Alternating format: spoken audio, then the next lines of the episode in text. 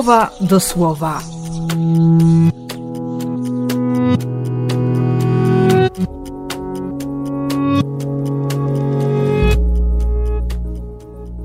Dwudziesty ósmy stycznia, sobota.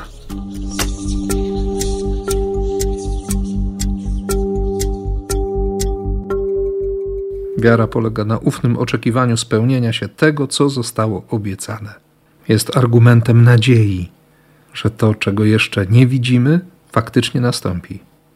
I potem wiara Abla, Henocha, Noego, Abrahama, wiara Sary. Wierzyć, no właśnie, wierzyć Bogu i wierzyć w stronę Boga. Ale te wszystkie historie zadają mi bardzo konkretne pytanie: czy ja wierzę? Na ile wierzę?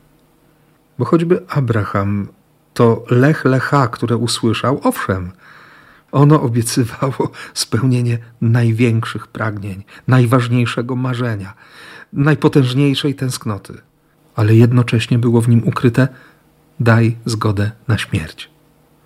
I lata później, gdy on, gdy on wznosił drżącą rękę starca z tym nożem, żeby zabić swojego syna, gdy ten młody chłopak, mający nie wiadomo, 7, 13, może i 30 lat, tradycje nie są zgodne, leżał związany i mówił akeda. Nie? Ojcze, zwiąż mnie, mocniej mnie zwiąż, żebym się przypadkiem nie opierał. I jak podaje Targum Neofiti, aniołowie zstąpili z nieba, zajęli jakby miejsca na widowni. Przypatrzcie się, przypatrzcie się tym, którzy, którzy mają taką miłość. Nie? Ten, który ofiaruje i ten, który jest ofiarowany. Niektórzy rabini nawet twierdzą, że, że Abraham zdążył zabić swojego syna, a nawet spalić jego ciało. I z tych prochów Bóg wskrzesił Izaaka.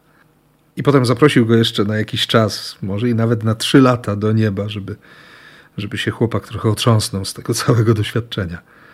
Autor listu do Hebrajczyków powołuje się właśnie na ten midrasz, na tę opowieść, bo pokazuje Izaaka jako tego, który zapowiada zmartwychwstanie Jezusa swoim życiem, swoją śmiercią, wskrzeszeniem przez Boga.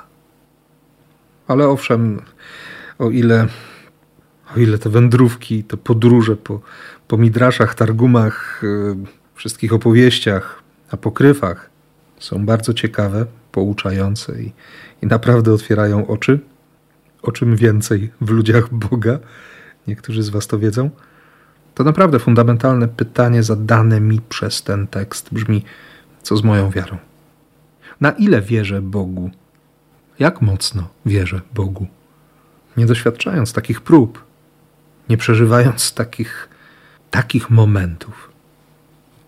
Może potrzeba mi po raz kolejny przeżyć to, co, co przeżyli apostołowie w Ewangelii. Przeprawmy się na drugi brzeg. Zabrali go do łodzi tak, jak stał. Po pewnym czasie zerwała się gwałtowna nawałnica. Tymczasem Jezus spał. Nie obchodzicie to?